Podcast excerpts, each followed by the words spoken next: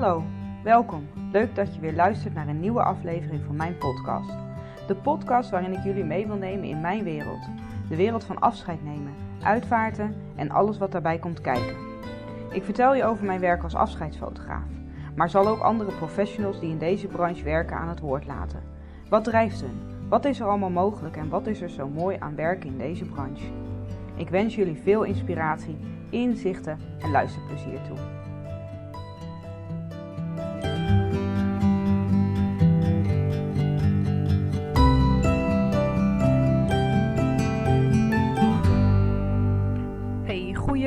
Goedemorgen, middag of avond. Ik weet niet wanneer je dit luistert, maar ehm, het is alweer een tijdje geleden dat er een eh, podcast van mij online is eh, gekomen. Eh, iets met corona, lockdown, kinderen thuis, zomervakantie. Ehm, en gewoon niet de juiste energie om eh, nou, nieuw, nieuw materiaal op te nemen. Maar eh, inmiddels zitten we wat meer terug in het normale leven. En heb ik vorige week een super tof interview gehad met Rianne. En dat is de podcast die nu online komt. Ehm, ik zal eventjes een kleine introductie geven. Eh, Rianne en ik volgen elkaar al een tijdje op Instagram. Ja, soms kom je iemand tegen eh, via een andermans story en denk je, wow, daar, dat, dat, daar heb ik een klik mee, die, eh, die ga ik eens volgen.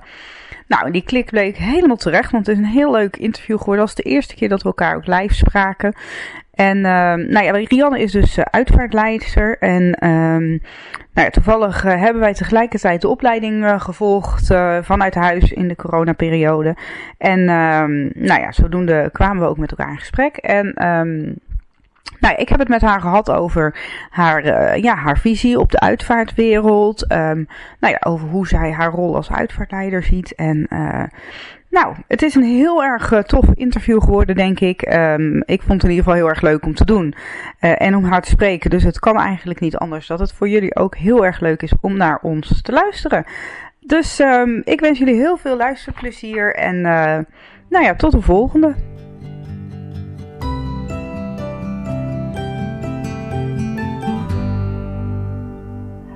Hey, goedemorgen Rianne. Leuk uh, dat ik je. Ja, wij zien elkaar nu via Zoom. De mensen horen je, maar wij kunnen elkaar in ieder geval aankijken. Um, ja, ik ga vandaag met jou een gesprek over uitvaarten en rouw en verlies. Um, maar voordat we dat gaan doen, uh, zou ik natuurlijk vragen of jij jezelf even kort wilt voorstellen. Ja, leuk. Goedemorgen. Uh, mijn naam is Rianne de Vries. Ik ben echt sinds kort um, zelfstandig uitvaartonderneemster. Um, eigenlijk een lang gekoesterde wens, um, waarin ik nu voelde dat ik aan alles, of waarin ik nu voelde aan alles dat ik daar gehoor aan wilde geven, dat ik daar gehoor aan moest geven. Mm -hmm. Ik ben um, al een hele tijd zelfstandig ondernemer in de ja, kinderbranche, zeg maar. Mm -hmm. ik ben uh, begonnen als uh, leerkracht uh, en daar voelde ik wel altijd al, dit wil ik niet mijn hele leven doen. Maar ik vond het wel heel leuk om met kinderen bezig te zijn en om onder de mensen te zijn vooral. En uh, van daaruit um, ben ik een bedrijf gestart in kinderfeestjes. En dat liep echt als een trein, alleen uh, ik voelde geen voldoening. Dus dan uh, moet je daarmee stoppen, zeggen ze.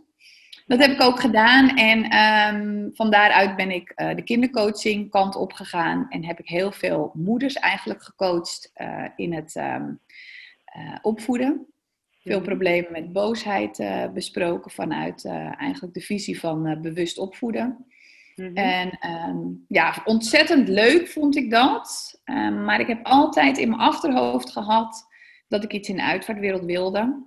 Ja. En um, mijn vader is zes jaar geleden overleden. En daar heb ik zelf de dienst geleid. Omdat dat een wens van hem was. Omdat hij weer wist dat mijn wens was om in de uitvaartwereld te werken. Dus ja. dat heb ik in goed overleg met uh, uh, een plaatselijke ondernemer bij ons. Ik woon in uh, Venhuizen, in prachtige West-Friesland. heb ik dat samen gedaan. En toen dacht ik, is dit dus nu het moment om in te stappen? Nou, mijn lijf zei daarin nee. Ik was moeder van een jong gezin. Kind van ehm, dochter van één op dat moment. En mijn zoon was vijf. Ja. Met alle gebroken nachten, dat soort uh, dingen. ja. Herkenbaar.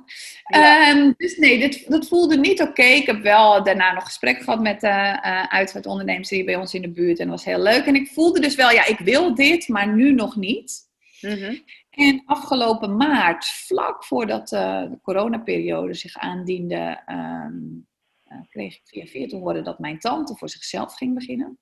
Ik had niet zoveel contact meer met haar. Zij was getrouwd met een broer van mijn vader, die helaas ook overleden is. Hij heeft inmiddels een andere partner uh, gevonden. Maar toen dacht ik, ja, maar nu is dus het moment. Ik ga haar bellen, we gaan koffie drinken. Want zij ging in de uitvaartbranche eh, beginnen. Zij ja. uh, werkte al tien jaar voor een grote uitvaartondernemer. En um, zij wilde eigenlijk um, ja, meer haar eigen visie uitdragen. Dus daarom had ze gekozen om uh, zelfstandig daarin uh, verder te gaan. En dat ik dat hoorde, ja, toen, toen gingen eigenlijk alle alarmbellen af. En dacht ik, wauw, als ik nu aan kan haken, dan voelt het zo oké. Okay. Ja. En uh, nou ja, ik denk dat ik op vrijdag koffie bij haar heb gedronken. En uh, op het moment dat wij koffie zaten te drinken, ging haar telefoon, kreeg ze een melding en ze zei: We gaan nu. Dus toen dacht ik: Oké. Okay. en uh, nou ja, zo, zo ging dat. Ja, en ehm, ja, vanaf dat moment dacht ik: Ja, maar dit is, dit is wat ik hier te doen heb op deze. Ja. En toen ben je aan de studie gegaan, want zo viel het. Ja, ik volgde jou wel, maar ik zag toen voorbij komen dat je dezelfde studie tegelijkertijd met mij ongeveer aan het doen was. Ja, wonderlijk hè. Ja, dat is super ja. grappig. Dat jij inderdaad herkende ook... Um, ik herkende het logo of zo, of een opdracht, ik weet het niet. Maar ik herkende iets uit je post. En ik denk, hé, hey, verdomd, dat is volgens mij dezelfde opleiding die ik nu doe. Klopt, ja. Nou goed, en toen, uh, want inderdaad, um, ik, ik, ik dacht dus, ja, dit, dit is het. En wat ga ik dan doen? Um, en in goed overleg met mijn tante heeft zij geadviseerd om dus via uh, thuisstudie uh, de opleiding te gaan, uh, te gaan doen. Uh, ook vanwege de corona eigenlijk. Want mm -hmm. ja, ergens naar een opleidingscentrum met lijfdagen, ja, dat was natuurlijk allemaal gewoon ontzettend onzeker. En ik wilde gewoon aan de gang. Ja. Uh, dus toen heb ik inderdaad uh, uh, de opleiding zo gedaan. Ja, en dat, ik vond het eigenlijk heel prettig. Ik weet niet hoe jij dat, dat ervaren hebt. Ja, ik vond hem. Nou, ja, er is natuurlijk veel discussie over de waarde van, van zo'n thuisstudie. Maar ik denk dat als je veel ervaring al in de branche hebt of in soortgelijke werkzaamheden, als je al veel met mensen werkt, dat de thuisstudie gewoon een, een, prachtige theoretische basis is hoe, hoe het in de uitvaartbranche aan de, gaat, zeg maar. En, ja, ja. het omgaan met, met rouwende mensen is wat mij betreft ook voornamelijk denk ik levenservaring.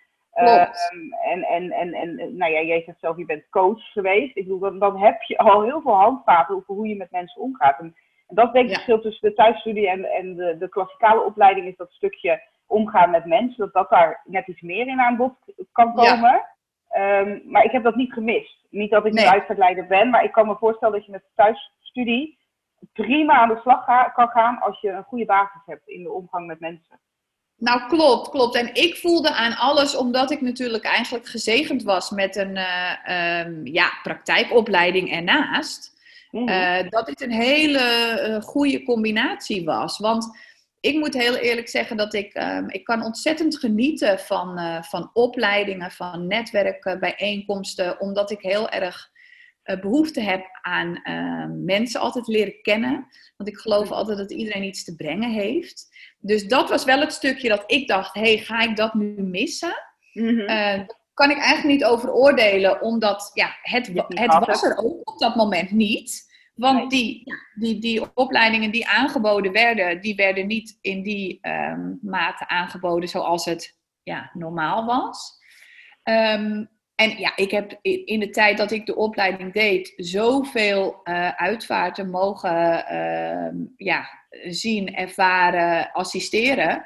Dat ik denk dat dat eigenlijk van grotere meerwaarde is dan dat je het inderdaad klassikaal leert. Ja, absoluut. Ja, ja. ja. ja dat, dat hoor ik ook van meer mensen. Het is heel moeilijk juist om een soort van stageplek eigenlijk te vinden. En want, want je gaat het pas echt leren als je gewoon daadwerkelijk met die uitvaarten bezig bent.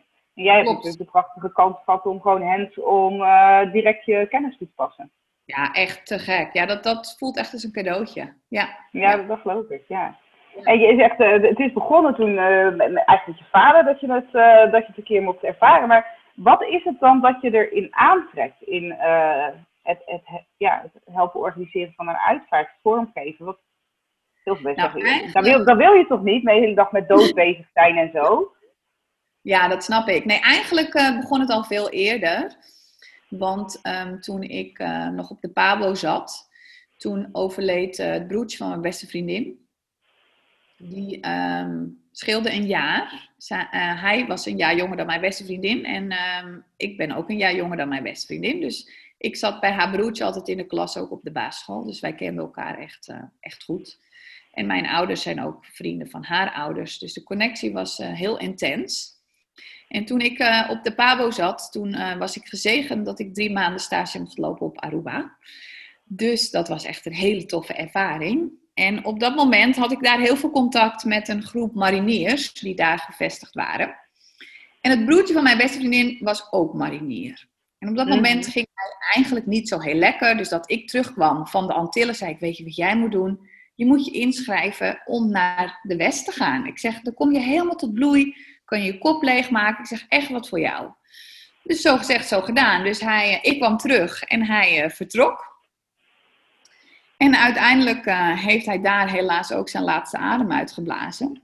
Dus dat was in die tijd ook heel dubbel voor mij. Ik moet heel eerlijk zeggen dat ik daar ook hulp bij heb gezocht. Niet dat ik me specifiek schuldig voelde, maar dat ik wel dacht: hé, hey, hoe, hoe werkt dit allemaal? Ja, dat was gewoon een bizarre situatie. En zeker uh, op de leeftijd die ik toen had, want ik was twintig. Wauw, ja. En, uh, ja, dat was uh, heel intens. En um, eigenlijk moest er toen natuurlijk een heleboel geregeld worden, want hij was nog op Aruba. Um, hij was daar overleden. Zijn lichaam moest natuurlijk um, overgebracht worden naar, uh, naar Nederland. Nou ja, dat duurde allemaal lang, weet ik nog.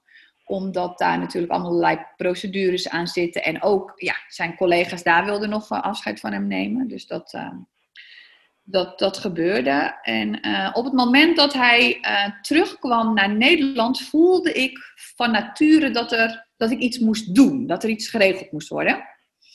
En op het moment dat hij op Schiphol aangekomen was, kregen zijn ouders een, uh, een telefoontje daar natuurlijk van. Um, hij moest ja, overgekist worden. En um, ik weet nog dat er, dat er toen bericht was dat hij terug zou komen naar huis.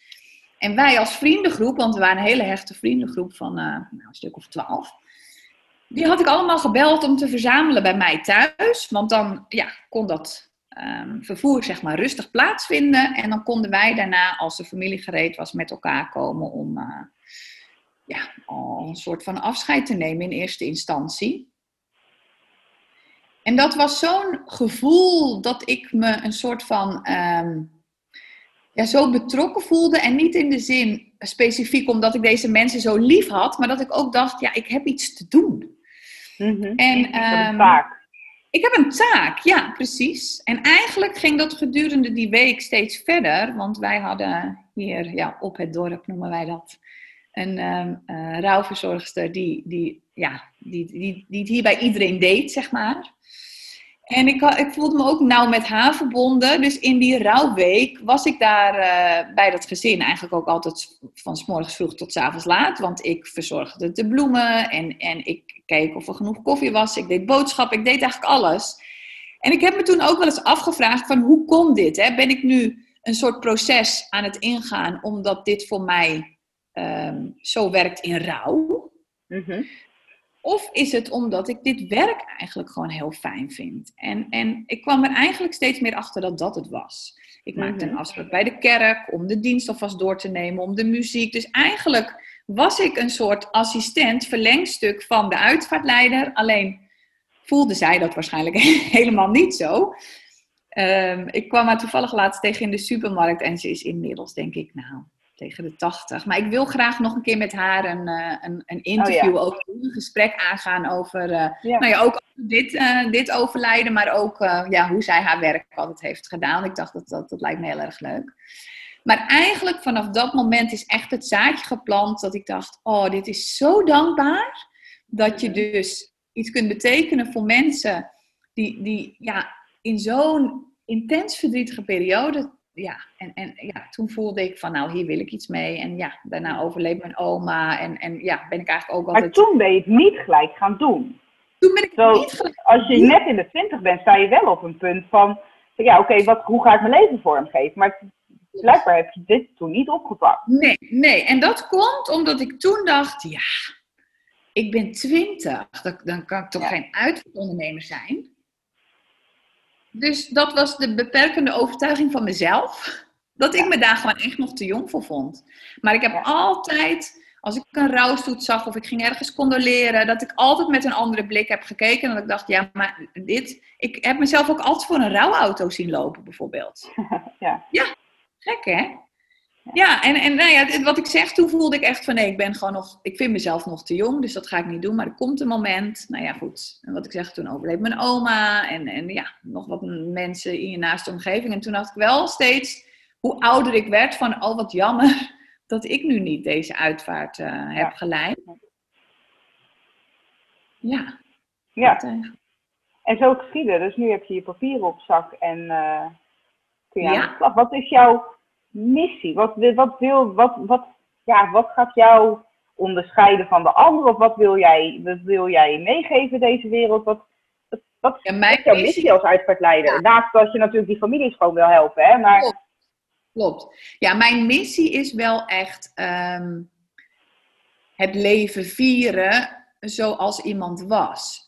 Gewoon de, de, het zwarte van de dood zou ik zo graag af willen halen. En, en Kijk, het is natuurlijk verschrikkelijk hè, als je iemand verliest. Ik bedoel, dat heb ik zelf aan de lijf uh, ondervonden. Alleen, het, daar kun je niks aan doen. Dat, dat, dat is ook wat het leven is. En ik zou zo graag, of eh, ik sta echt voor een afscheid, uh, wat, wat persoonlijk is, waar mensen in verdriet hun dierbaren herkennen en, en kunnen terugkijken op het was zo mooi dat dat ze, dat dat ze uiteindelijk ook verder helpt in hun um, rouwproces. Dat.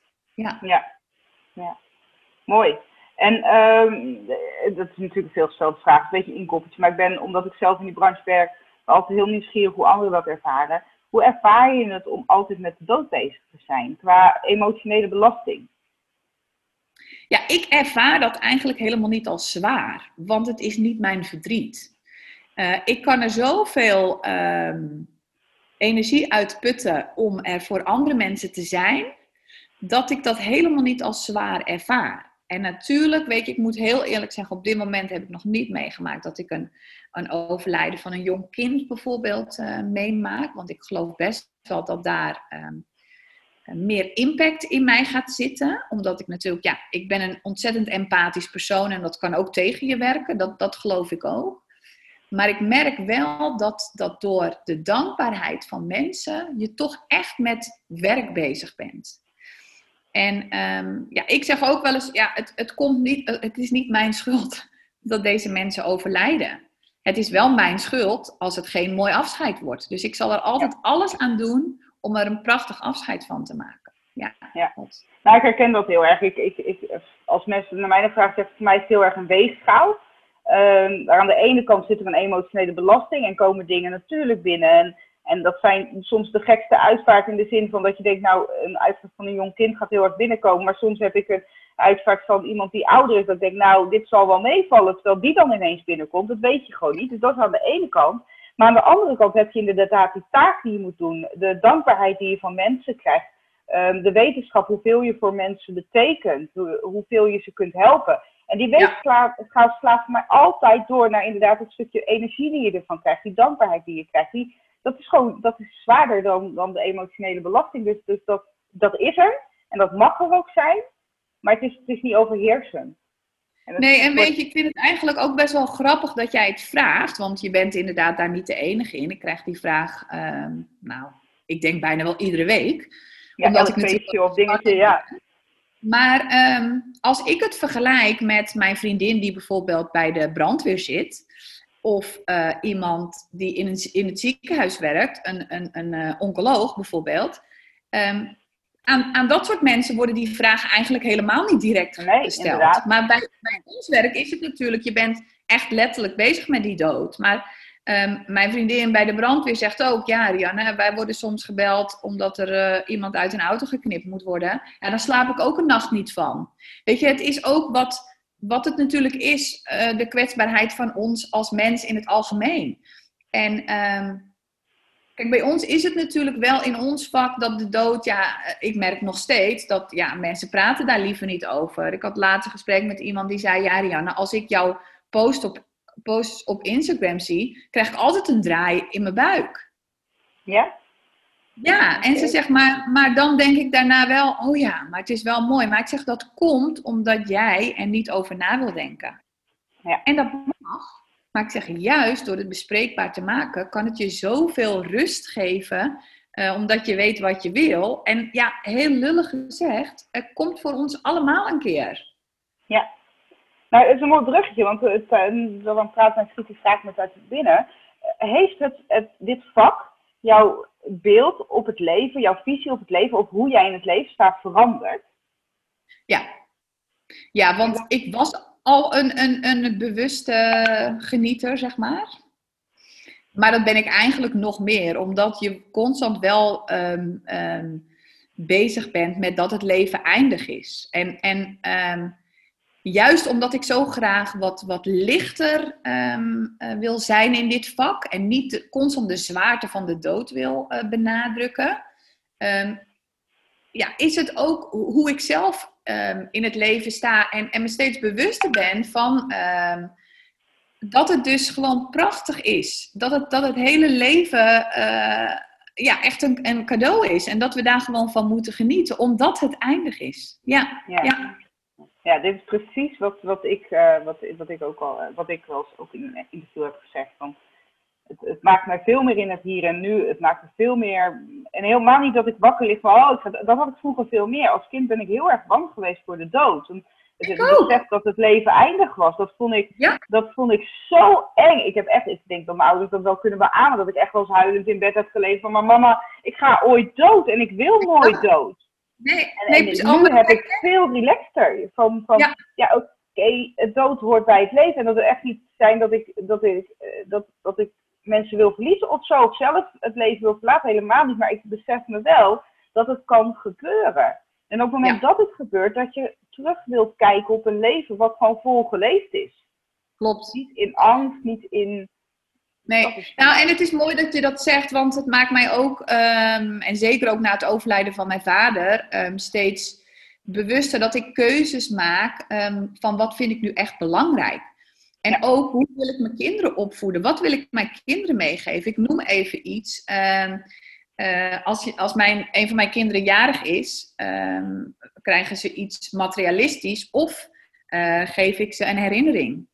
En, en dat is eigenlijk waar ik steeds meer achter kom dat ik het zo belangrijk vind om die rugtas constant maar te vullen met, oh weet je nog, toen hadden we een leuk dagje dit. Of, weet je, en dat Ja. is grappig, want het komt bij mij ook wel vanuit mijn coachingsverleden, zeg maar, dat ik het zo belangrijk vind om je kinderen iets mee te geven wat ze altijd bijblijft. En het grappige is dat het soms in dingen zit die jij als ouder helemaal niet kan bedenken.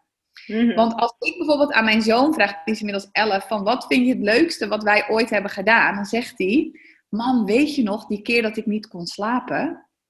"Eh, nee, zei ik.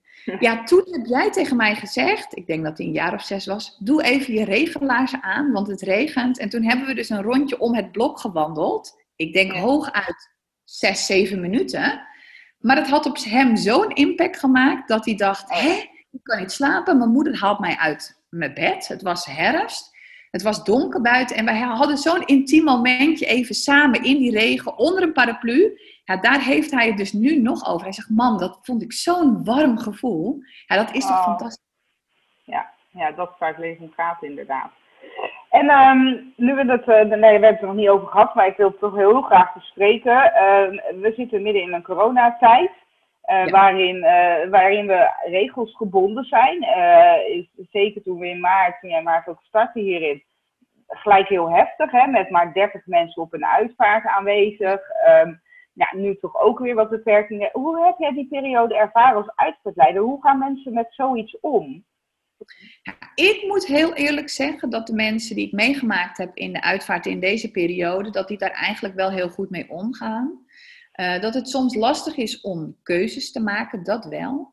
Maar ik merk ook dat het iets brengt. En dat bedoel ik in, ehm, als jij een uitvaart hebt met eh, 150 tot 200 personen, zijn er ook mensen die je eigenlijk niet zo goed kent. Mensen die uit formaliteit komen, uit beleefdheid om jou te steunen. Ehm, en nu is dat niet. Domweg omdat het niet kan, omdat het niet mag. Maar de ehm, afscheidsplechtigheden zijn eigenlijk heel intiem op dit moment. En ik merk dat dat toch ook wel heel prettig is. Dat de mensen die er zijn zoveel voor je betekenen, dat het ook wel iets moois is. Ja. Ehm, laatst, moet ik wel heel eerlijk zeggen, hadden wij een afscheid van een man van uh, 44. Uh, waar heel veel mensen zouden komen. En toen hebben wij creatief gedacht uh, om het buiten te doen. Waar we wel de anderhalve meter uh, uh, konden garanderen. En dat was ook prima. Dus die uitvaart hebben we ook zelf helemaal gestyled en zo. Om het, om het mooi te maken in een, in een park. Dus dat zijn ook mogelijkheden. Alleen nu gaan we natuurlijk het uh, ja, slechtere weer tegemoet. Dus wordt dat, wordt dat lastig. Dus aan de ene kant vind ik het moeilijk voor nabestaanden. Um, ik vind het heel fijn omdat ik zelf een creatief persoon ben. Om mee te denken in uh, wat zijn wel de mogelijkheden? Maar ik merk toch ook dat mensen die eigenlijk in een periode van rouw al geleefd worden, helemaal niet zo vaak zitten te wachten op zoveel mensen. Ja, ja dat herken ik. Ik spreek zoveel mensen die zeggen, ja, weet je, ik dacht eerst dat ik het lastig zou vinden dat we de gastlijst terug moesten brengen naar 30 of naar 60, afhankelijk van welke periode het was. Maar dat ze zeggen, achteraf was het eigenlijk wel heel mooi. Want de mensen die er, die er echt toe deden, die waren er. En ja. uh, helemaal niks ten nadele van al die mensen die vanuit de leeftijdsformaliteit uh, willen komen of anders er waren geweest. Helemaal niet, maar het maakt het krachtiger of zo. Ik, uh... Nou, en ik zat zelf ook te denken, wat ik bijvoorbeeld ook heel mooi zou vinden, uh, nu eigenlijk weer na die persconferentie van afgelopen maandag, dat het zo mooi zou zijn als je op de um, rouwkaart zou zetten Um, als je dus niet bent uitgenodigd voor de, um, ja, voor de ceremonie, zeg maar, omdat dat niet, het, het, aantal niet toelaat, van maak even een afspraak in de komende tijd. Je mag natuurlijk nog drie mensen bij je thuis uh, ja. ontvangen.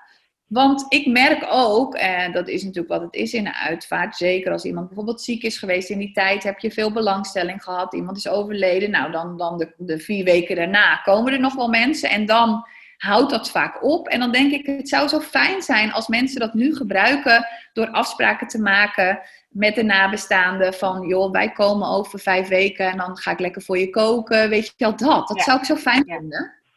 Ja, goed. Heb je hele bijzondere dingen gezien in deze periode? Want ik heb ze zelf natuurlijk wel eens voorbij zien komen dat bijvoorbeeld een uitvaartleider uh, bedacht had dat iedereen er niet aanwezig kon zijn, van tevoren een foto zou sturen. En al die foto's waren zeg maar afgedrukt op een kaart. En al die kaarten van al die mensen die er niet bij konden zijn, werden rond de kist gezet bijvoorbeeld.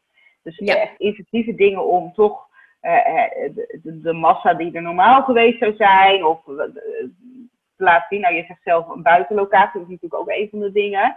Welke bijzondere dingen heb jij gezien? Misschien niet bij je eigen uitvaart, maar online. Wat heeft de indruk op jou gemaakt in die periode? Uh, nou, inderdaad, um, um, dat buiten. Ik heb ook gezien, um, in plaats van condoleren, om een, uh, om een kaart te sturen met een, uh, met een persoonlijke tekst. Dat vond ik ook echt super mooi. Ik dacht, ja, dat is eigenlijk heel klein. maar bij een rouwadvertentie stond bijvoorbeeld: Wil je ons condoleren, stuur een kaart. Dat ik dacht, oh ja, dat vind ik ook echt super mooi. Ik herken ook wat jij zegt met die foto's. Ik heb ook gezien dat mensen een, een, bloem konden afgeven. En die bloemen werden dan allemaal uh, uh, op een stoel gelegd voor degene. Uh, oh ja, die, die de anders vaart Uiteindelijk werden dat eh, ja, enorme mooie eh, boeketten bloemen. Dat vond ik ook mooi. Dat komt omdat mij dat persoonlijk heel erg raakt. Omdat ik echt een bloemenmens ben. Mm-hmm. En dat ik dacht, oh ja, hoe fijn is het dat je daarna dus gewoon nog thuis kunt genieten van die prachtige bloemen. Ja. Um, ja, dat denk ik. Dat dat wel de meeste uh, dingen zijn die, die, ik, uh, die ik heel mooi vond. Ik moet zeggen, de andere kant is wat ik, wat ik laatst, waar, waar ik best wel moeite mee had, was dat ik zelf naar een um, um, condole uh, ja, ik ging condoleren. En dat daar de familie achter een soort tafel stond. Dat was ook een plotseling overlijden. En um, ja, dat we allemaal een soort langs liepen. Dat ik dacht, oeh, dit voelt voor mij een beetje als een attractie. Herken je dat? Dat, nou dat... ja, ik, ik moet wel denken, uh, ik heb een drive-thru uitvaart gehad. Uh, echt in de tijd dat de horeca ook dicht was. Dus toen ja. was er natuurlijk geen nazit. Er was ook uh, ja, iemand relatief jong. En eh, dat was zo'n drive-thru. Dus de mm-hmm. stond op een bepaalde plek met de kist. En mensen mochten in hun auto langs rijden. Ja. En ja, aan de ene kant was het een surrealistisch beeld. Iets wat we nog nooit eerder hadden gezien. Dat je denkt, oké, dit is echt mega bijzonder. Uh, ja? beide kanten op, hè. Van, het zou zo eigenlijk niet moeten. Uh, maar het paste heel erg in dit geval. Het was ook iemand die in de auto zat. Uh, dus, dus er kwamen ook hele bijzondere auto's langs. En de mensen hadden er ook een beetje dubbele gevoelens over van tevoren van, oh, gaan we dit nou heel prettig? Maar achteraf zei ze, dit was eigenlijk echt heel fijn. Mensen konden op één plek konden ze dan een kaart in een ton uh, doen en een bloem afgeven. De uitverkleider pakte die bloem aan en die werden dus rond de of in fase bij de kist gezet. En vervolgens konden, ze, konden ze even stoppen bij de nadergaan. Dan konden ze op afstand even knikken, een mini praatje, want hè, er stond een rij met auto's achter. Maar het was, heel, het was heel ceremonieel en heel anders dan dat we gewend zijn om te zien. Ja. Maar ik, ja, het ik, ik, herken het woord attractie erin, omdat er ook, weet je, de lokale media was er ook bij, die kwam het ook filmen. Zo van, ja, dit is zo bijzonder. Uh, ja, het, het, is uit nood geboren. Ik denk dat als het niet meer nodig is, dat, ik, dat we het ook niet heel vaak meer gaan zien. Nee. Um, nou, weet je, nu zo pratende met jou, denk ik, ik weet eigenlijk wat voor mij het verschil heeft gemaakt. Want het was mijn eigen emotie. Want oh um, ik ging hier niet naartoe als werk, maar ik ging hier naartoe om iemand te condoleren. En daardoor dacht, vond ik het gewoon uh, aan de ene kant mooi dat het, dat het kon in deze tijd. Want ik denk dat er, nou, dat er wel misschien wel duizend mensen afscheid kwamen nemen. Maar ik vond het ook, uh, omdat ik het denk ik projecteer op mezelf, dat ik dacht, jeetje, dan sta je daar dus. Jij dat, ja. Snap je? Ik en denk je eigen zo... behoefte misschien ook. Ik weet niet of je dat misschien herkent. Je eigen behoefte. Dat je denkt, ja, maar ik wil jou nu knuffelen. En oh, nou, dat komt er soms in. En dit, dit wil ik eigenlijk niet. Ik wil er wel voor jou zijn, maar ik wil er eigenlijk niet op deze manier voor jou zijn. Ik denk dat dat ook heel erg tegen natuurlijk is. Dat denk ik. En, en dan kom je toch weer op dat stukje van werk en met de dood bezig zijn. Dan merk je dus dat als het je werk is, dat je er zo anders in staat. Ja, en dan had ik het misschien ook heel bijzonder gevonden. Stel dat ik ging assisteren bij deze uitvaartleider. Dat ik dacht, oh ja, dat is prachtig zo, want dan kunnen de mensen. En nu dacht ik, ja, maar ik wil er gewoon voor jou zijn. En dat kan ik dus nu niet. Nee, nou ja, precies. Een heel ander gevoel. Ja. En uh, nou ja, je denkt natuurlijk veel na over dood, eventuele en zo. Ik weet niet of je niet zo kwijt wil hoor. Als je dat niet wil, is dat ook oké. Maar wat heb jij voor jezelf bedacht? Heb jij zelf hele uitgesproken wensen? Of, of juist uh, nou, ik zou het het liefst gewoon eigenlijk heel intiem willen. Um, wat ik um, um, heel fijn vind, en toevallig heb ik daar dus laatst ook op Instagram over gedeeld van, uh, ik krijg heel vaak de vraag van, nou, wat kost nou zo'n uitvaart? -hmm. het hoeft bij mij helemaal niet met uh, sushi en champagne en over de top. Uh, terwijl ik dat bijvoorbeeld op mijn bruiloft wel wilde. Maar um, ik zou het op dit moment heel fijn vinden, gewoon intiem vanuit huis.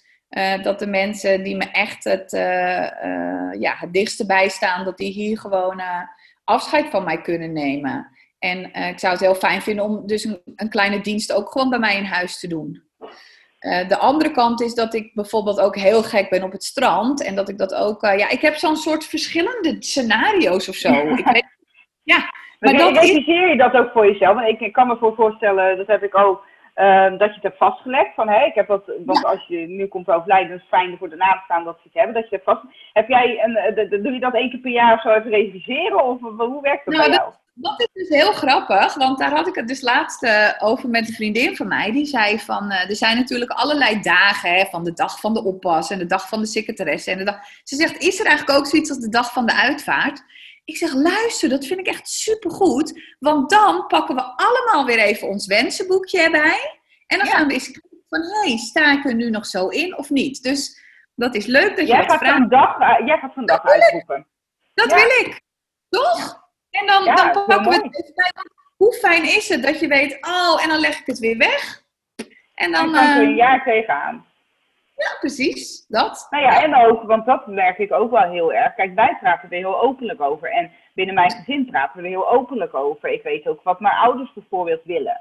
Maar hoeveel gezinnen, families, zwijgen hierover? Hebben het er niet over? En iemand komt te overlijden en dat de nabestaanden zitten zo van ja, hebben het hier eigenlijk nooit over gehad. Ik heb geen idee wat hij wil. En dat zou je op zo'n dag van de uitvaart natuurlijk ook soort van kunnen doen. Van hé, hey, grijp deze dag ook aan om eventjes met elkaar om de tafel te gaan zitten. Dat is helemaal niet zwaar, maar even van, goh, wil je eigenlijk gecremeerd of, of begraven worden? Of, uh, nou ja, je gecremeerd, heb je ook wensen over waar je uitgeschooid wil worden of, of niet? Precies. Of moeten we het in huis zetten? Of, ja. Nou, dat is het ook. Kijk, en uit, uit eigen ervaring weet ik daarin ook, omdat mijn vader wisseltje kwam te overlijden um, en, en we alles met hem besproken hebben.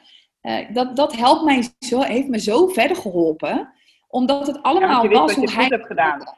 Ja, Klopt, en dat wil ik ook zo benadrukken in mijn werk. En, en het is grappig dat jij dat zegt, want ik, wil, ik voel ook aan alles dat ik daar iets mee wil. Um, in de zin van, misschien ga ik wel avonden organiseren, dat je dan bij mij komt en met een wijntje en je vult dat wensenboekje in. En misschien voor de een is dat je denkt, oké, ik krijg hem gewoon. Dat is voor mij al even genoeg, prima. En een ander die gaat misschien uitgebreid met iemand die uh, hij heeft zij mee heeft genomen, dat, dat invullen van, oh ja, want dit vind ik leuk en dat, weet je wel. Ik zou zo graag willen dat mensen het, zich er bewust van zijn wat, wat je wil. En dan, daar heb ik ook deze week een filmpje over opgenomen, dat je je ook bewust bent van, oké, ik heb een uitvaartverzekering of niet. En dek dat eigenlijk wel wat, ik, wat mijn wensen zijn. Ja. Want er is zoveel onwetendheid. Ja. Ja, dat is het. Hè. Mensen steken dan een kop in het zand. En, uh, en dan kan het allemaal prima op spookjes terechtkomen. Hè. Dan weten mensen daar nog steeds een prachtig afscheid van te maken. Maar ik vind het een heel geruststellende gedachte als ik, eh, als ik mijn vader bijvoorbeeld verlies of mijn moeder verlies. Dat ik in ieder geval een soort van de basis weet. Dat ik weet, oh ja, dit wil ze ongeveer, dit wil ze ongeveer. En, en dat er dan nog steeds heel veel keuzes zijn. Dat is ook prima, maar er is een soort van blauwdruk. En als ik die blauwdruk aanhoud, weet ik dat ik het gewoon goed heb gedaan. En dat, dat wil je. Ja. Of je wilt het goed doen voor degene die je verliest. Uh, dat het in zijn of haar, uh, ja, dat het bij haar of haar past. Precies, precies. Ja, exact. En je hebt stress genoeg, dus als je dan moet gaan stressen over. En ik denk dat ook, weet niet hoe dat er, ik, het kan ook discussies voorkomen binnen families. Want Absoluut. Je, ja, weet je, dan zegt nee, maar wilde echt uh, gecremeerd worden. Nee, maar wil echt begraven worden. En dan Iedereen heeft daar zijn eigen visie op en dan moet je dan toch over eens worden. En als het dan vast ligt, dan hoeven ze er ook geen ruzie over te maken of discussies over te voeren, want het is duidelijk. Nou, dat is toch dat, ja, precies, dat is ideaal. Kijk, en ik kom hier uit een omgeving waar uh, mijn vader bijvoorbeeld uit een gezin van 14 kwam. We hebben hier oh, best wel ja. grote gezinnen, ja, echte West-Friese grote gezinnen. Uh, waarbij inderdaad je natuurlijk aan tafel kan zitten, waarbij vader of moeder is overleden en je hebt dus te doen met veertien uh, broers en zussen die daar nog uh, zitten, ja, dan is het toch wel heel fijn dat, uh, dat het is ingevuld. Ja, absoluut. Ja. Ik heb daar ook nog wel een missie in, want um, je hebt hier bijvoorbeeld van die ehm, groepen vrouwen, zeg maar, ehm, ja, plattelandsvrouwen noemden ze dat vroeger. Mhm. Dat is dan zo'n groep en die doen creatieve dingen met elkaar. En uh, ik heb ook wel een uh, missie om daar een keer een informatieavond uh, te organiseren. Ja, om, om, daar die wensenboekjes uit te delen. Van ga nou eens in gesprek met elkaar. Ja, ja mooi. En um, oh, dat is, dit heb ik nou ook over. Dan komt iets. Oh ja, zeker. Um, we hadden net ook even een klein voorgesprekje. Hè? Um, en daarin gaf je aan Um, dat jij nog een ander idee hebt wat je ook wil. Ik weet niet of je iets over wilt delen, hè, maar uh, over het rouwproces. Ja. Uh, dat je met mensen in gesprek daarover wil gaan. Ja, klopt. Ja, ik um, heb best wel gemist na het overlijden van mijn vader dat er iets was in um, de. Uh, in het omgaan vooral met, met rouw, wat normaal is en wat niet. Um, en, en, en dat vind je wel in boeken, mhm. maar niet zozeer online. En ik denk dat ik daar best wel behoefte aan gehad zou hebben. Ik um, voelde het niet heel zwaar um, dat, ik, dat ik echt naar een uh, psycholoog wilde, bijvoorbeeld. Dat niet. Maar uh, al was er op mijn pad gekomen dat ik uh, online laagdrempelig een, een soort cursus zou kunnen volgen met, met een werkboek wat vooral gaat over mij had ik dat wel heel prettig gevonden. En het is er niet, tenminste niet wat mij aanspreekt als persoon, vanuit ook mijn coachende rol. Dus daar heb ik ook een missie in dat ik, dat ik daar ook um, ja, mee aan de gang wil, naast mijn werk als, uh, als uitvaartbegeleider. Um, want, want wat ik bijvoorbeeld heel erg had, is dat ik constant aan het vergelijken was met mensen die ik dan tegenkwam. Was ik, oh ja, zij heeft ook geen vader meer. Weet je, een soort van, ik ben niet de enige. Weet je dat. Oh ja. dat, dat heb, ik, heb ik heel sterk gehad. En ehm, ja, wat ik zeg, ik denk dat het, dat het voor mijn eigen ehm, eh, proces heel Mhm. fijn was geweest als ik, ehm, ja, als, ik, als ik op mijn eigen tempo en manier daarmee aan de slag eh, had kunnen gaan. Maar misschien ook Ja. een stukje herkenbaarheid. Van, eh, is het normaal dat ik dit nu voel? Ja, natuurlijk, er is, er is geen normaal in rouwen, hè, want het is voor iedereen anders. Het is, een, het is niet voor niks een proces en iedereen gaat zijn eigen proces in. Ehm, zelf heb ik nog nooit een verlies van zo dichtbij meegemaakt. Ehm, maar ehm, ik kan me zo voorstellen dat je best ook wel eens onzeker bent over wat je voelt op dat moment. Je denkt, Absoluut. oh, ben ik nu abnormaal? Of dat mensen jou behandelen dat je denkt, oké, maar moet ik dit nu niet voelen? Eh, Ja. Omdat jij nu zo op mij reageert. En dat het dan toch Ja. heel fijn is om ja, een soort van te weten dat, dat alles goed is in principe. Of, Nou, eh, klopt. En, en, en dat het inderdaad dus ehm, eigenlijk nooit overgaat. Dat. Nee, ja, dat. Dat het echt een, geïntegreerd moet worden in je leven. Dat het een andere manier is van iemand in je leven vormgeven, zeg maar. Ja, en dat, dat heb ik nu ook, weet je wel. Ehm, in november zijn wij dan zes jaar verder. Dat mensen dan ook vragen van hoe gaat het met je? Dat ik zeg, nou, het gaat eigenlijk wel prima. Ehm, maar ik vind het vooral zo jammer. Dat Ja. merk ik steeds vaker. Weet je, en mijn vader was zo'n trotse opa, weet je wel. En mijn vader werkte bij de Rabobank. Die heeft altijd keihard gewerkt. En het is echt zo'n cliché verhaal. Want hij ging eerder met pensioen en eh, na drie maanden was hij dood. En dat ik ook zeg, oh, het was zo leuk geweest. Ik had het hem zo gegund dat hij ja, lekker met die kleinkinderen gewoon eh, kon dollen. Maar eh, ja, het is niet zo. Nee. Nee. nee. Ja, ehm, ik, eh, ik had allerlei vragen, maar ik, ik heb eh, ik, ik, op loops heb ik ze eigenlijk allemaal een beetje behandeld. Ik heb sowieso nog wel een afsluitende vraag hoor, die, die ik als toetje zeg maar altijd doe. Maar Ja. zijn er dingen die jij nog wilt delen met ons, of nog met mij over wil hebben?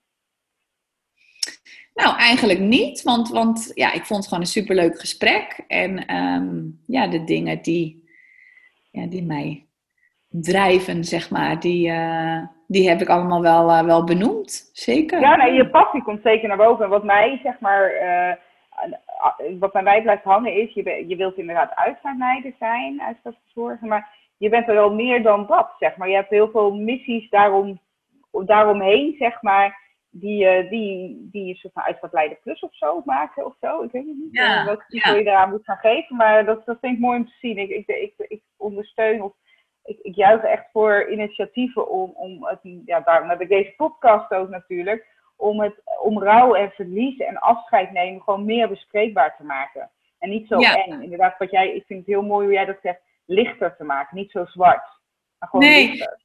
Nou ja, en, en daar past ook inderdaad wel dat stukje bij. eh, dat herken ik ook wat je zegt over rouw. Want ik vind, eh, maar dat, goed, dat is mijn mening als eh, uitvaartbegeleider ook, dat, dat ehm, vaak is er nog nazorg, hè, nazorggesprek. Maar ja, wat is, wat is nazorg? Weet je, dat is zo divers. Ik wil echt nog een verlengstuk zijn na, als ik een uitvaart voor jou heb mogen organiseren. Ja, dan, Mhm. dan, dan ja, ben ik daar heel dankbaar voor. Dat ik, dat ik jullie daarbij mag helpen. Dat je mij het vertrouwen daarin geeft. En daarin voel ik ook, dan wil ik nog een stukje extra ehm, bij helpen. Dus Ja. ja, dus ja ik, denk, ik vind het mooi. Echt een super compliment dat je zegt eh, dat er nog een plusje achter komt. Ik herken dit heel erg ook in mijn vak als uitvaartfotograaf. Ik, ik coach veel andere fotografen en ik geef masterclasses in. En ik kies er heel bewust voor om na de uitvaart, na het fotograferen, na het werken, nog een project te doen met de nabestaanden. Ik laat de nabestaanden bij mij komen. Wij gaan samen door de foto's heen. We gaan samen het album maken. En dat doe ik echt samen. En het, als we dat willen, kan het thuis. Kan het vanaf de computer. Kan het op afstand. Ja. Maar ik merk dat nabestaanden het juist heel fijn vinden om met mij die dag nog eens door te nemen. Om, om, om te praten over waarom een bepaald beeld hun zo geraakt heeft. En waarom ze een bepaald beeld zo mooi vinden. Want dan hoor ik, weet je, ik maak beelden uit- vanuit intuïtie. En soms krijg ik eh, eh, terug dat een bepaald beeld heel veel voor hun betekent. Wat ik niet eens door heb op dat moment dat ik hem maak. En dat is voor mijn proces heel erg fijn. Ik vind het heel fijn om te horen wat, het- wat mijn werk voor hun betekent. Maar ik merk ook dat nabestaanden dat traject daarna ook gewoon enorm fijn vinden. Om, om dat nog eens een keer met elkaar eh, door te nemen. Dus dat, eh, Ja. het, het, stopt bij mij. Ik ben geen fotograaf die foto's maakt en vervolgens, nou alsjeblieft, hier heb je het en, en succes verder ermee. Ja. Ik krijg echt kippenvel van, want, want weet je, dit is voor mij ook zo de essentie. Dit is waar het om draait. Dat, dat, dat, ja, dat stuk, ehm, dat, je, dat, je het, dat je het zo mooi maakt voor mensen, ja, dat, dat, dat vind ik echt heel bijzonder. Ja. ja.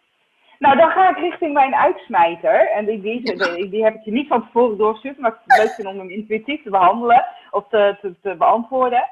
Welke levensles wil jij met de luisteraars van deze podcast delen? Welke levensles? Oeh, um... ja. Ja, toch, toch echt dat je, dat, dat je moet genieten van het leven. Want, want je weet niet hoe lang we hier allemaal mogen zijn. Dat.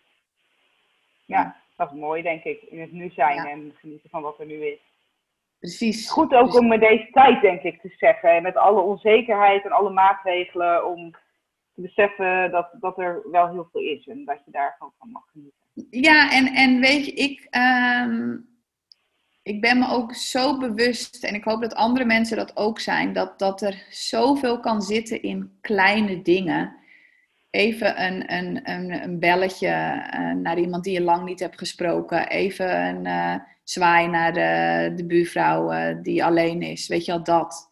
Ja. En het is precies wat je zegt. Het sluit zo aan bij deze periode waarin we nu leven. wees lief voor elkaar. Dat. Ja, nou mooi. Nou, daar gaan we gewoon helemaal geen, niks geen aanvulling meer op doen. Het is gewoon een super mooie aansluiting. Dankjewel voor dit gesprek. Graag gedaan.